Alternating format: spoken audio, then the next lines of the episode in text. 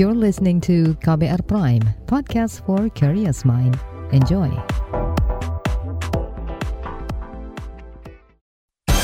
Saatnya Anda dengarkan Ruang Publik KBR. Selamat pagi, kita berjumpa kembali dalam ruang publik KBR bersama saya Don Brady dengan tema pagi hari ini belajar dari Natuna. Saudara pengelolaan wilayah perbatasan Indonesia kembali menjadi sorotan sejak meningkatkan ketegangan di Laut Natuna.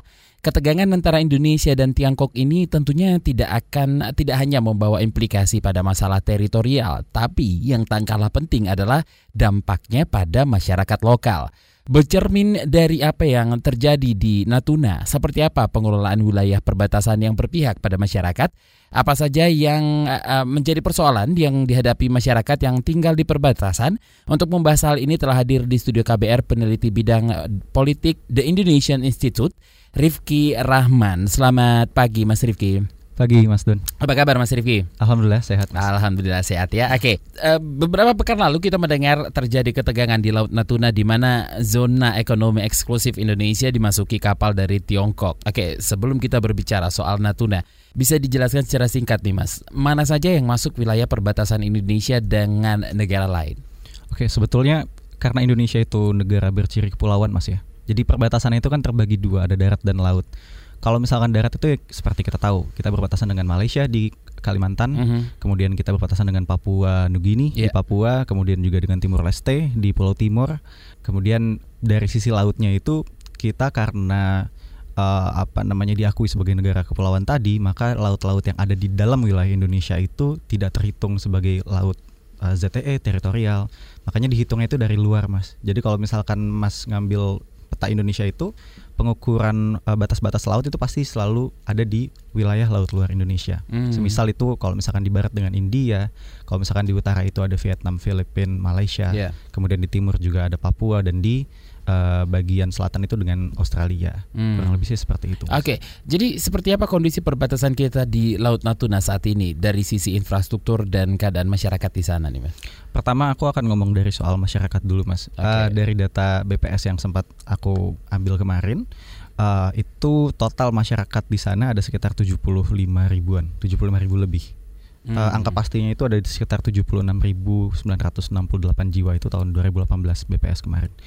Nah, uh, proporsinya seimbang antara perempuan dan laki-laki dan dari total penduduk itu sekitar 7.500-nya itu mereka bekerja di sektor pertanian, kehutanan, kemudian perburuan dan perikanan salah satunya yang sempat dibahas kemarin kan soal perikanan. Yeah. Nah kemudian soal infrastruktur sebetulnya dari banyak pemberitaan kemarin ekspos cukup tinggi mas ya.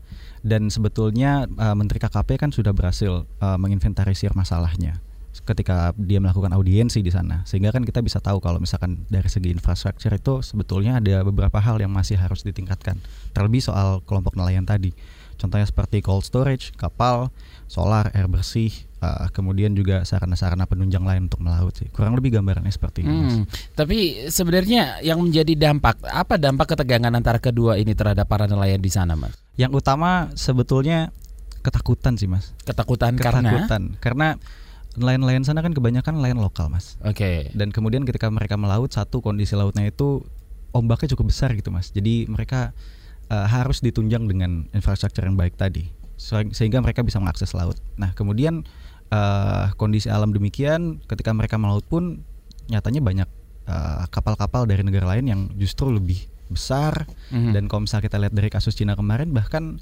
uh, nelayan-nelayan yang dari Cina itu mereka didampingi dengan Coast Guard dari Cina. Artinya kan mereka terintimidasi dengan kondisi yang demikian gitu mas kurang lebih seperti itu hmm, terintimidasi dengan hal seperti itu oke kembali lagi kita ke masalah perbatasan kita dengan negara hmm. lain nih hmm. mas hmm. Rifki jadi uh, bisa dibilang bukan hanya Indonesia saja yang langsung berbatasan dengan negara lain bersinggungan langsung seperti mm -hmm. itu banyak juga gitu kan. Tentu. Tapi yang menjadi uh, permasalahannya di sini kita bisa melihat dari sisi infrastrukturnya juga dan keadaan masyarakat di sana. Biasanya mm -hmm. itu sangat-sangat bisa dibilang tidak diperhatikan atau gimana sih, Mas? Sebenarnya kalau misalnya kita mau lihat uh, infrastruktur persoalan. deh, kalau misalnya bicara infrastruktur, mm -hmm. secara itu kan perbatasan gitu mm -hmm. ya, mm -hmm. harus mungkin uh, lebih um, aman gitu loh. Yep, yep, ah. yep. Sebetulnya mas, kalau misalnya kita berbicara soal infrastruktur itu kan salah satu program yang memang dilaksanakan Presiden Jokowi mm. untuk menjadikan daerah perbatasan itu wajah terdepan, tidak lagi sebagai halaman belakang, itu kan banyak digaungkan sebetulnya Mas. Tapi apakah pertanyaannya kemudian apakah memang pembangunan infrastruktur itu cukup untuk uh, daerah-daerah perbatasan tersebut? Sedangkan yeah. seperti aku jelaskan di pertanyaan awal Mas tadi, daerah perbatasan kan nggak nggak umum. Dalam arti mereka punya keunikan masing-masing, mas. Yeah. Tentunya juga pengelolaannya nggak bisa digeneralisasi hanya di sektor, eh, hanya di bagian infrastruktur saja gitu loh. Untuk dibangun, kemudian pemerintah menganggap oh nanti akan ada uh, apa namanya efek turunan bahasanya trickle down effect gitu masih ya. hmm. ada efek turunannya nanti ekonominya maju ada uh, apa namanya uh, karena ada jalan karena ada infrastruktur gitu nanti masyarakatnya secara secara sisi kesejahteraannya akan lebih baik gitu tapi kan sebetulnya nggak uh, bisa ya mas di di di, di dipandang secara terpisah seperti itu. Oke, okay. nggak bisa dipandang secara terpisah ya. Yes. Oke, okay. uh, eh, berarti solusi apakah solusi memobilisasi nelayan Pantura ke Natuna itu solusi yang tepat? Nah ini sebenarnya yang yang aku soroti di salah satu tulisanku kemarin kan aku sempat bikin tulisan soal itu. Karena sejatinya ketika memang kita menyelesaikan masalah di satu daerah dan memang di daerah itu masyarakatnya masih uh, mengalami persoalan di keseharian ini dalam kasus nelayan ya dengan nambah orang nambah nelayan ke sana kan justru itu berpotensi untuk menghadirkan konflik lain. Yang sebelumnya nelayan itu berkonflik dengan kapal-kapal asing kemudian karena ada wacana tersebut karena Menko Mahfud MD bertemu dengan beberapa nelayan Pantura akhirnya kan muncul wacana lain. Nelayan okay. di sana menolak dan kemudian kan itu bisa menimbulkan gejolak lain sebetulnya. Tapi Rabu minggu lalu aku sempat lihat beberapa update dan ternyata uh, Menko Mahfud itu sudah uh, melakukan klarifikasi bahwasanya nggak akan mengirimkan uh, nelayan dari luar Natuna untuk di sana tapi akan lebih meningkatkan uh, apa namanya produktivitas aktivitas dan kemudian itu akan akan ber, beriringan dengan peningkatan uh, infrastruktur untuk akses nelayannya tadi di Natuna seperti hmm, itu sih mas. Oke, okay. tapi persoalan apa aja sih mas sebenarnya yang dihadapi masyarakat di sana yang ya biasalah ya yang nggak kerap diekspos sama media gitu mm -hmm. atau siapa pun gitu atau baru muncul uh, masalah yang kemarin itu baru Natuna menjadi sorotan nih. Yap. Yap. Tapi sebetulnya gini Mas, yang hmm. uniknya dari dari Indonesia yang aku lihat beberapa waktu terakhir soal perbatasan ya. Yang namanya isu lokal, nilai lokalitas itu biasanya sulit untuk nembus di nasional ya. Maksudnya, Maksudnya untuk gimana itu, Bas? Isu-isu yang ada di daerah okay. itu sulit untuk naik dan diperbincangkan di level nasional, di level Jakarta oh. lah, Mas. Oh. iya, kecuali memang ada iya.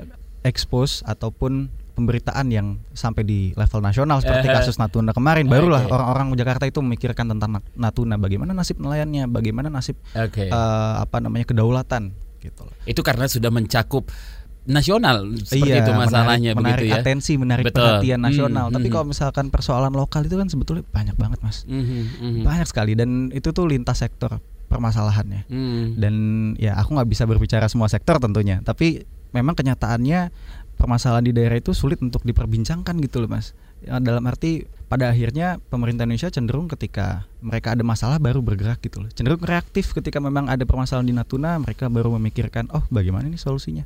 Apa yang mesti kita lakuin?" Sedangkan permasalahan itu sebetulnya sudah ada. Itu sebetulnya yang kemarin catatan catatanku yang ada di tulisanku kemarin. Hmm, oke. Okay. Tapi seperti apa solusi yang diterapkan pemerintah selama ini dan pelaksanaannya, Mas? Kalau kita narik lagi ke soal pengelolaan daerah perbatasan, Mas ya. Uh -huh.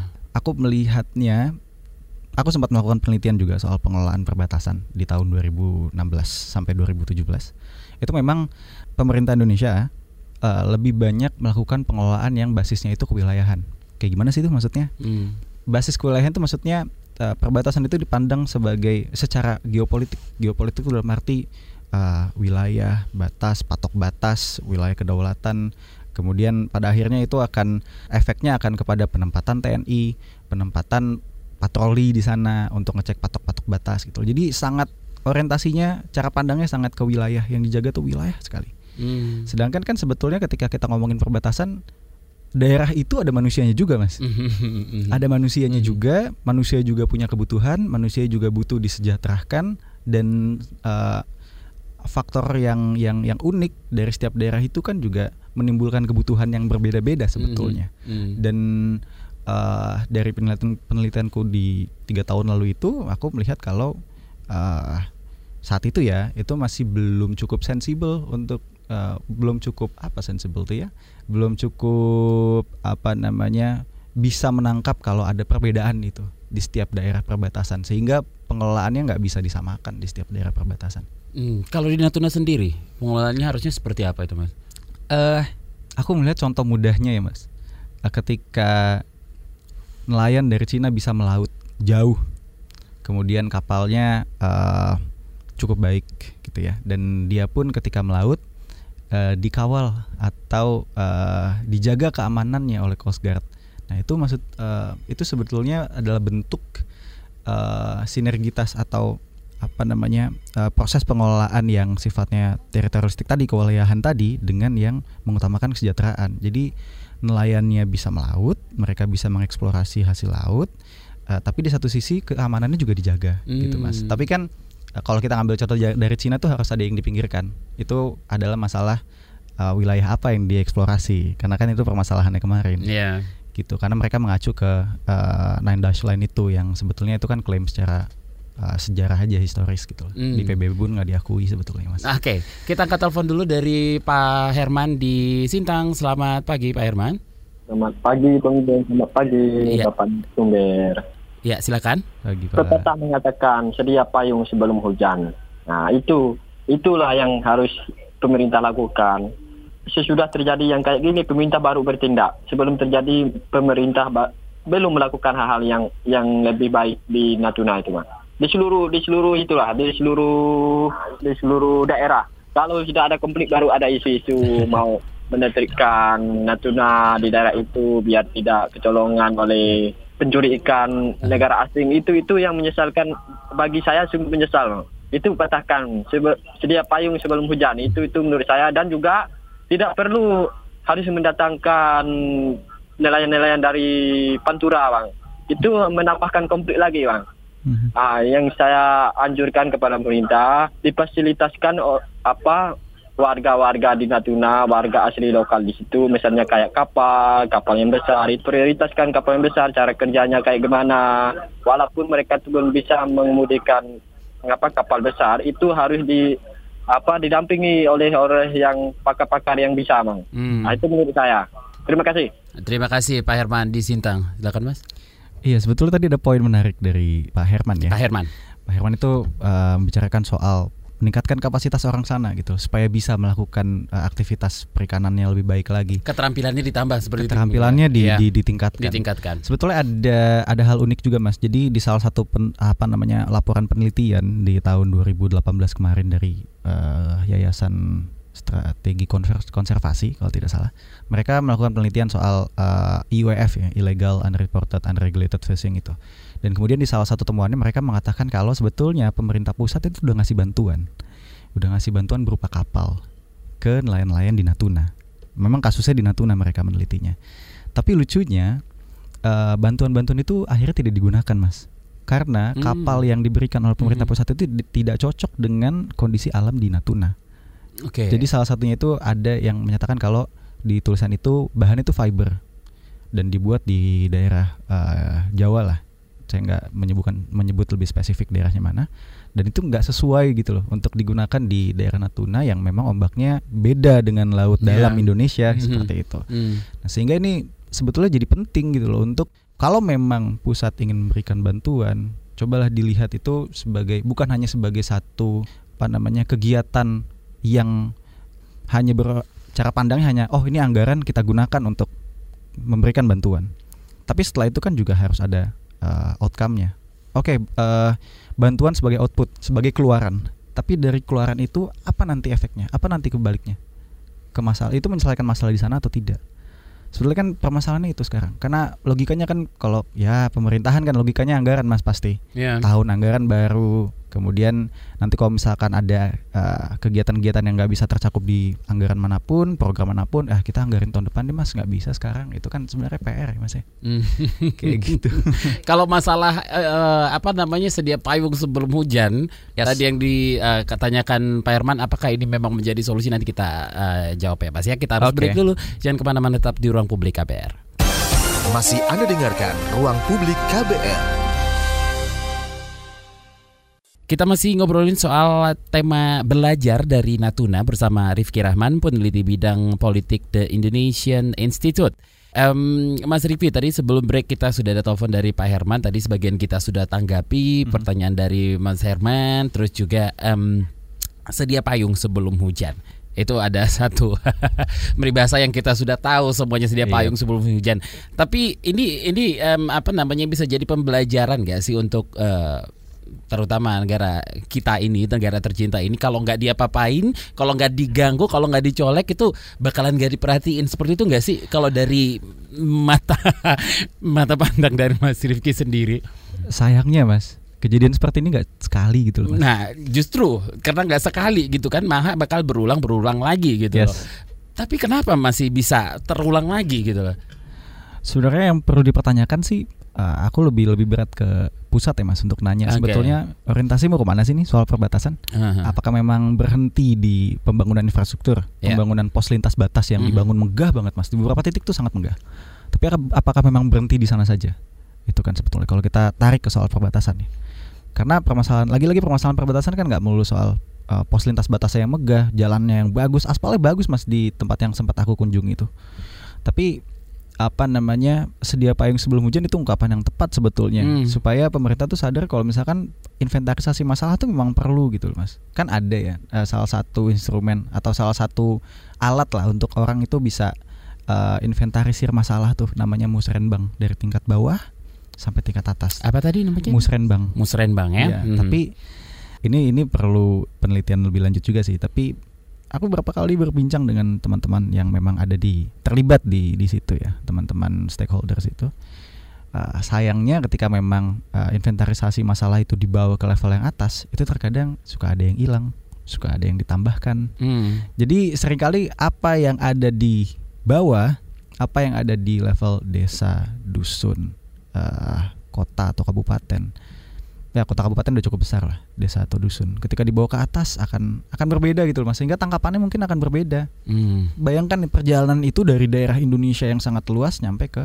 ke pusat ya. Ya. Itu banyak banget yang dilalui ya dari desa, kabupaten, kota, Iya. provinsi. betul bisa dibayangkan itu kan mas.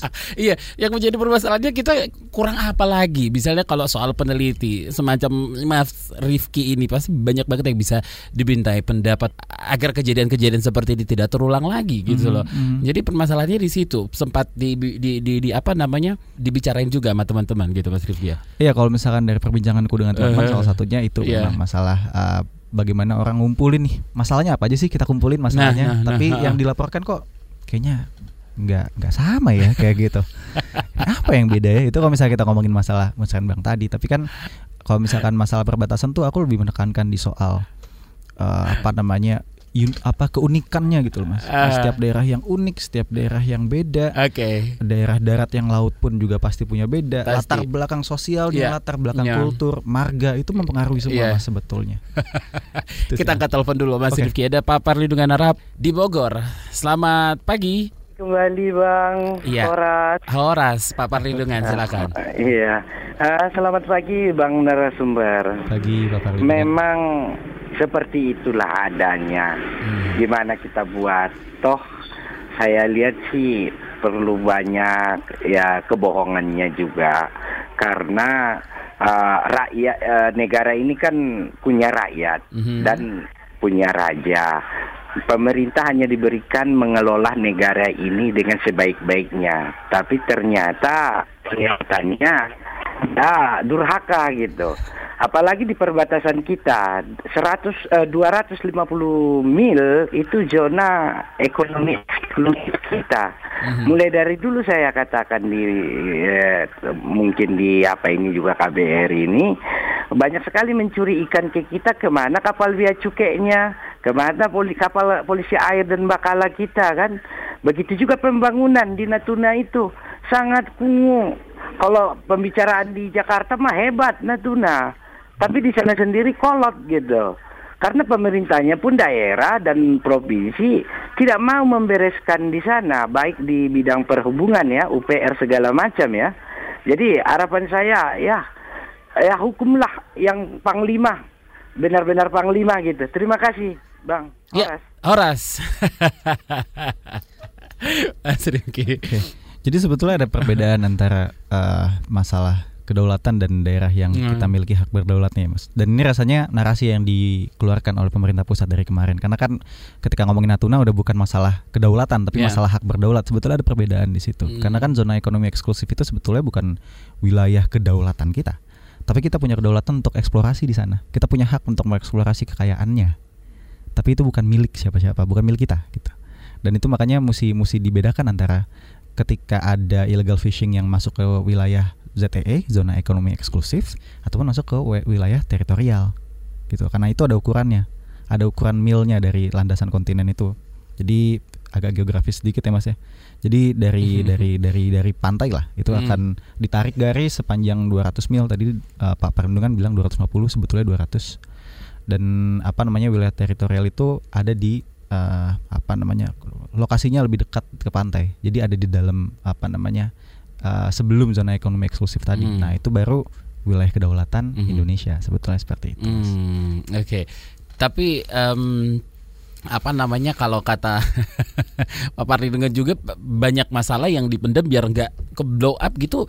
Benar adanya seperti itu, Mas. Harus dibilang iya sih Mas. Iya di sih ya. daerah Biar nggak seperti itu sih. Terjadi macam-macam atau gimana? kalau misalkan ditanya apa penyebabnya itu ditahan mungkin banyak mas dan rasanya eh, saya nggak bisa menentukan mana yang Aha. paling dominan di sini Aha. karena permasalahannya juga beragam dan tentu alasan-alasan di baliknya juga beragam alasan ekonomis politis kemudian alasan eh, dibungkusnya pakai apa pun kan bisa dibungkus pakai stabilitas Oke. dibungkus pakai agama apa pun Hmm. bisa dibungkus untuk eh, kasus-kasus yang di lokal itu supaya nggak naik gitu. Hmm. Jadi sebetulnya kalau misalkan yang bisa saya katakan adalah yang mesti digalakan sebetulnya kita sebagai masyarakat sipil, kita sebagai orang yang punya kesadaran akan permasalahan itu untuk membawa kasus-kasus lokal eh, nilai-nilai lokalitas yang tertinggalkan atau terpinggirkan itu supaya diurus gitu loh mas.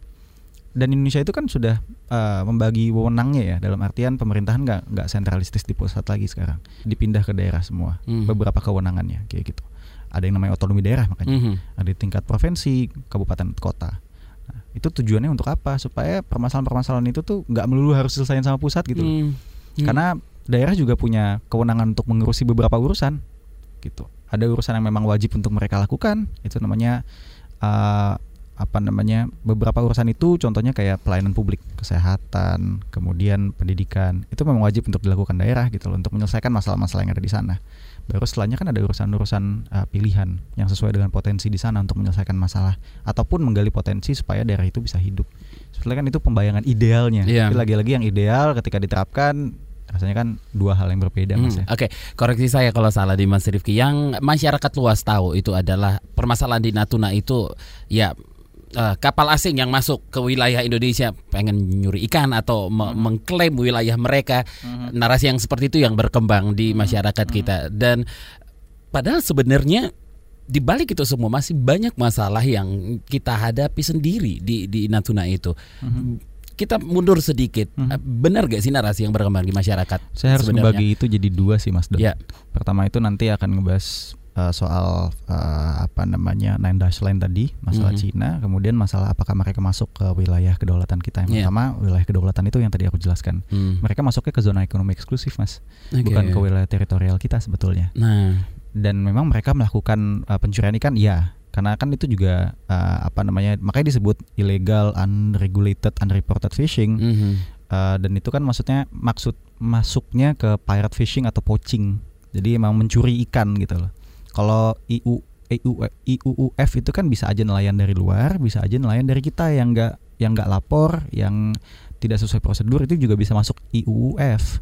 Tapi kalau misalkan poaching dan illegal fishing yang menjadi bagian dari IUUF itu kan sebetulnya merujuk kepada nelayan-nelayan dari asing. Dan kasus Cina kemarin sebenarnya mereka masuk ke wilayah ZTE dan masuknya itu bu- bukan cuma nelayan tapi juga sama uh, penjaga keamanannya coast guardnya waktu itu Hmm. kemudian yang kedua masalah uh, wilayah tadi uh, jadi Cina itu percaya kalau wilayah lautnya itu sampai di titik itu karena mereka punya uh, sembilan garis putus-putus bahasa Inggrisnya nine dash line Hmm, jadi oke. mereka percaya secara kultur dari dulu kata mereka klaimnya seperti itu. Dari dulu secara historis nelayan Cina tuh melaut sampai sana. Oke. Sedangkan kalau misalkan kita udah eh, narik ke setelah klaim historisnya tadi itu kan jalan waktunya sampai ada PBB itu kan ada beberapa agreementnya, ada konvensinya, ada unclos dan itu kan akhirnya membuat apa namanya nada selain tadi nggak berlaku lagi sebetulnya. Makanya PBB bilang klaimnya nggak nggak valid gitu, Hmm. karena itu klaim historis. Cuma kalau di tingkat atas nih level atas level-level antar negara aku masih belum dapat infonya gimana sih kemarin eh, Menko Mahfud sudah ketemu sama eh, dubes Cina untuk membicarakan soal itu. Ya itu masih belum dapat infonya dari atas mas. Oke, kita break dulu nih Mas Rifki Oke. ya. Jangan ke mana-mana, tetap di ruang publik KBR. Masih Anda dengarkan Ruang Publik KBR. Saya masih bersama Rifki Rahman, peneliti bidang politik The Indonesian Institute. Oke, Mas Rifki, jadi em, yang terjadi di Natuna itu bukan kapal asing yang masuk wilayah Indonesia, tapi mereka hanya masuk ke zona Ekonomi eksklusif. ekonomi eksklusif. Oke, mari kita menjelaskan lebih eh, jelas lagi. Gimana sih itu? Iya makanya Hmm. kalau misalkan kita lihat narasi dari pusat ya, Iya. orang kan mengubah orang stakeholder itu banyak yang merubah. Tadinya ngomongin masalah kedaulatan awalnya kan, Iya. ketika masalah itu muncul di Desember akhir kemarin. Iya. Sekarang rasanya mereka sudah mulai paham kalau yang dipermasalahkan bukan kedaulatan, tapi hak berdaulat akan wilayah ZTE Indonesia tadi. Nah, kalau sudah ngomongin berkedaulatan, hak daulat itu rasa nasionalisme orang Indonesia langsung menggebu-gebu ya. Iya kurang lebih seperti Rasanya itu. pengen perang aja.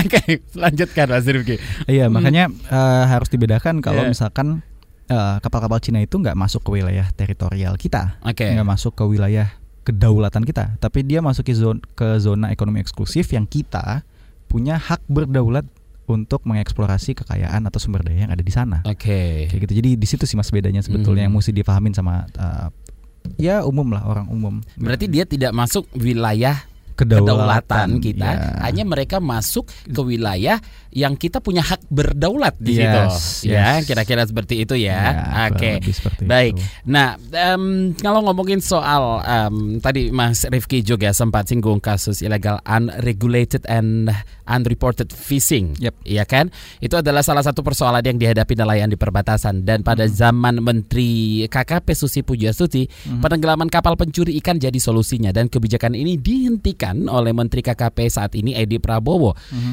Jadi sejauh mana sih sebenarnya efektivitas penenggelaman kapal untuk meningkatkan hasil tangkapan nelayan lokal, Mas? Aku aku merujuk lagi ke riset yang sempat ku baca ya. Iya. uh, dari Yayasan Strategi Konservasi tadi.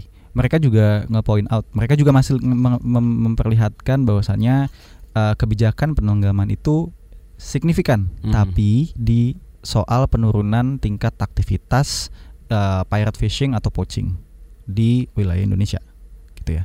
Tapi dari segi kesejahteraan, lagi-lagi uh, itu tidak memberikan uh, dampak kepada peningkatan kesejahteraan nelayan. Jadi memang dari sisi keamanannya mungkin lebih oke karena Mhm. oh eh, nelayan-nelayan dari negeri-negeri luar gitu ya dengan nelayan-nelayan asing nggak banyak lagi yang berani saat Oke. saat kebijakan itu dilaksanakan. Cuma permasalahan lain kan ya nelayan sananya, nelayan lokalnya itu dengan kondisi demikian eh, bisa nggak menjalankan eh, apa namanya pekerjaannya, mata pencariannya dengan dengan dengan optimal gitu loh. Lagi-lagian permasalahannya ke infrastruktur yang ada Iya. di sana lagi Mhm. gitu loh. Makanya kemarin sudah mulai diinventarisasi dan eh, apa namanya eh, ingin direalisasikan secepatnya kayaknya sih soal itu. Oke, kita angkat dulu telepon ada Pak Hengki Wongkar di Tomohon. Pak Hengki, selamat pagi. Selamat pagi Bang Don. Yang saya memang kebetulan juga saya mengikuti eh, de- berita tentang Natuna ini. Tapi menurut saya begini ya, kita memang eh, cenderung membiarkan yang terluar.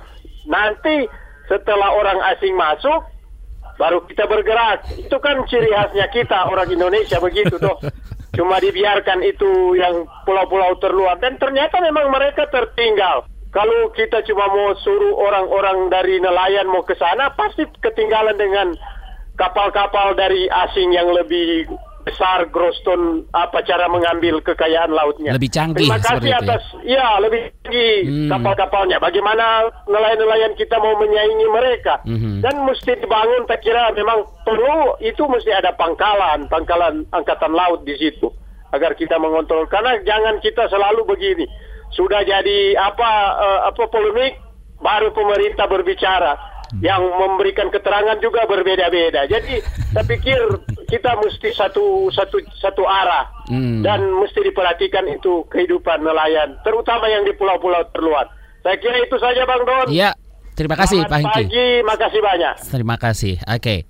Kita sempat singgung tadi di awal. Iya. Kalau nggak dicolek, ya kagak diperhatiin sama sekali gitu loh. Iya. Gimana nih Mas Rifki? Tadi aku mau komentarin dua dari Pak Hengki di Pak Tomohon. Ya.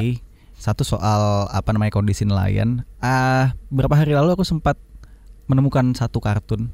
Ah, pembuatnya namanya Tom Dean. Mhm. Dia kartunis yang terkenal di koran.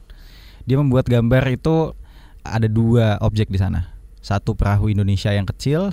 ah, tulisannya ini yang bikin yang bikin miris. Tulisannya adalah poros maritim dunia.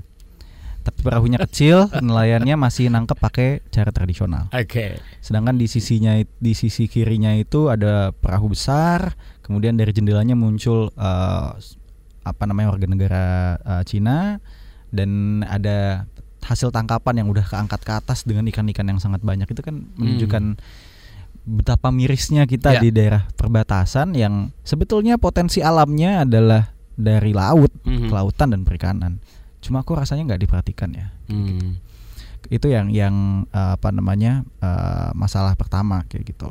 Kemudian kedua uh, aku mau mengatakan juga kalau uh, apa namanya dari hasil riset yang sama juga aku lagi-lagi merujuk ke sana dari total masyarakat Natuna yang uh, apa namanya uh, ada di angkatan kerja itu hanya sekitar 21 persen ada sekitar 21 persen yang memang mata pencahariannya itu di bidang perkebunan uh, perburuan perhutanan dan perikanan tadi artinya apa artinya perlu ada peningkatan uh, kapasitas di sana, kapasitas manusianya gitu loh dengan cara menyediakan infrastruktur, meningkatkan uh, apa namanya kapasitas tuh bahasa lebih enaknya apa ya?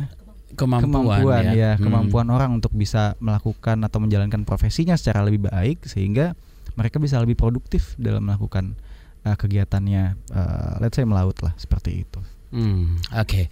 Baik, kita bacain WhatsApp dulu yang sudah masuk dari Anwar di Kalimantan. Saya nggak habis pikir, kenapa kapal asing bisa masuk perairan Indonesia?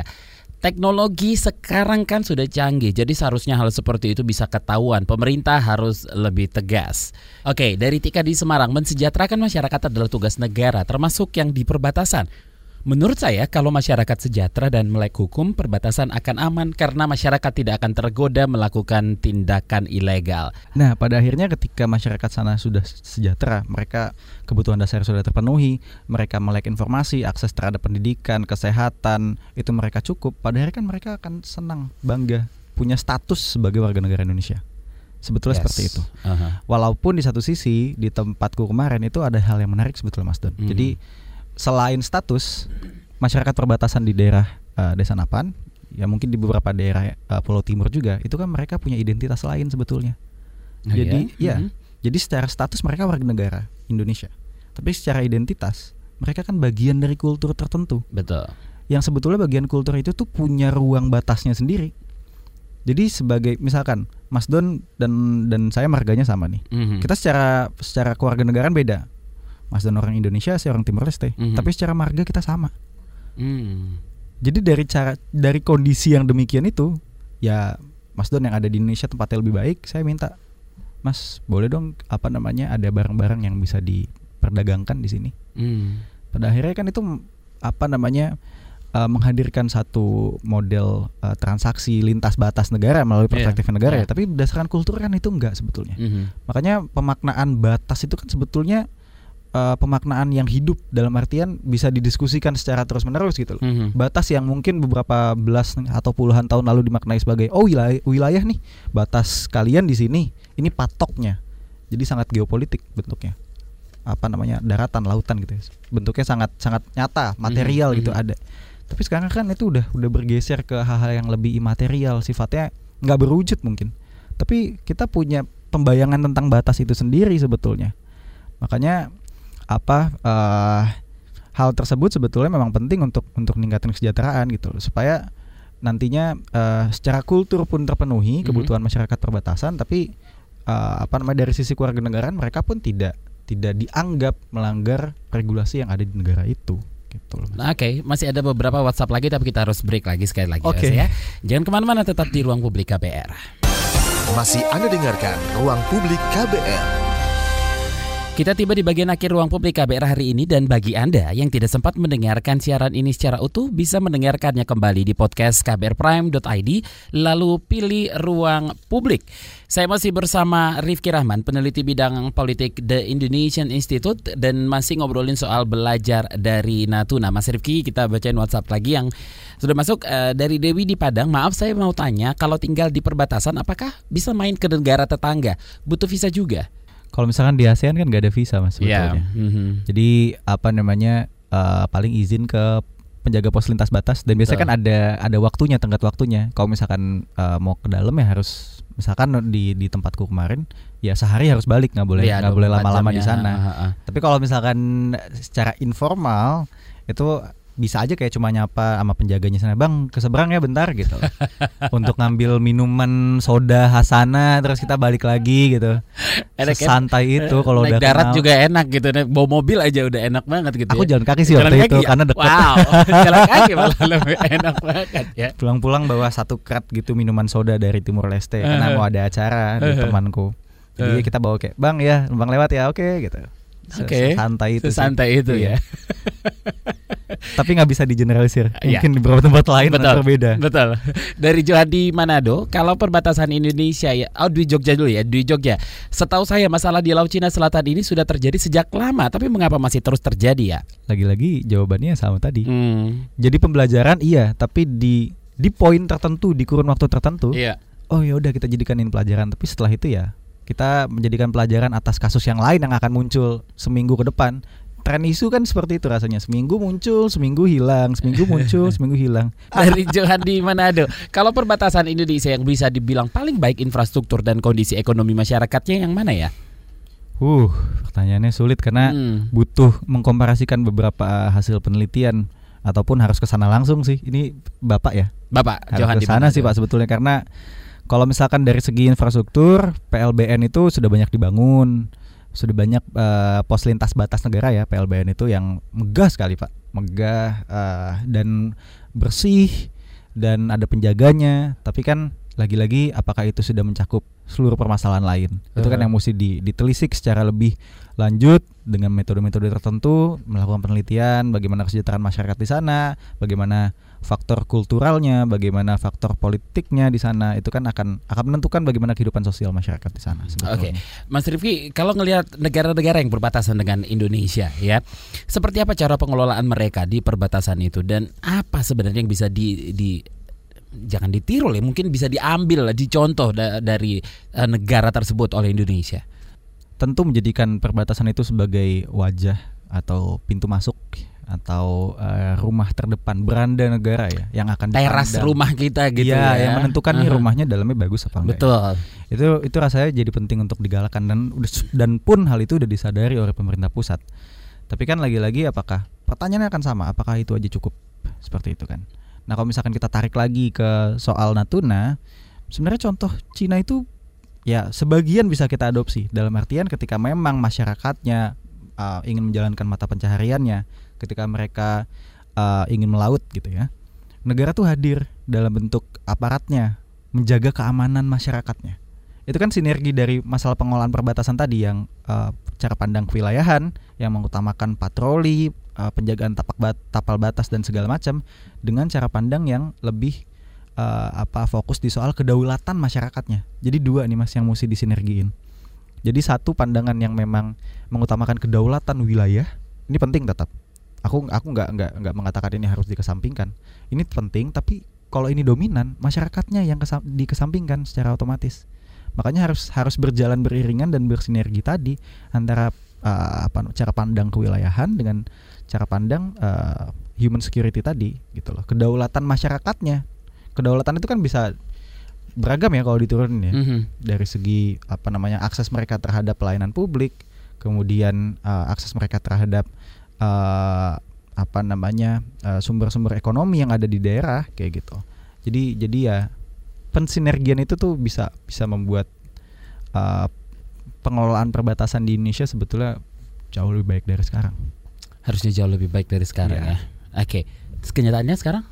Aku- Sepengalaman dari Mas Rifki dah. Aku melihat yang kemarin dilakukan oleh beberapa stakeholders ya. Menteri Edi datang ke lokasi, dia melakukan audiensi uh, apa namanya mencatat beberapa masalah yang yang yang disampaikan oleh nelayan langsung itu kan sebetulnya uh, bisa di- dibaca sebagai pemerintah pusat nih sudah sadar kalau misalkan ngelola perbatasan tuh nggak bisa melulu soal patroli, meningkatkan frekuensi pengawasan di laut kayak Yeah. gitu, nggak Mhm. melulu soal itu.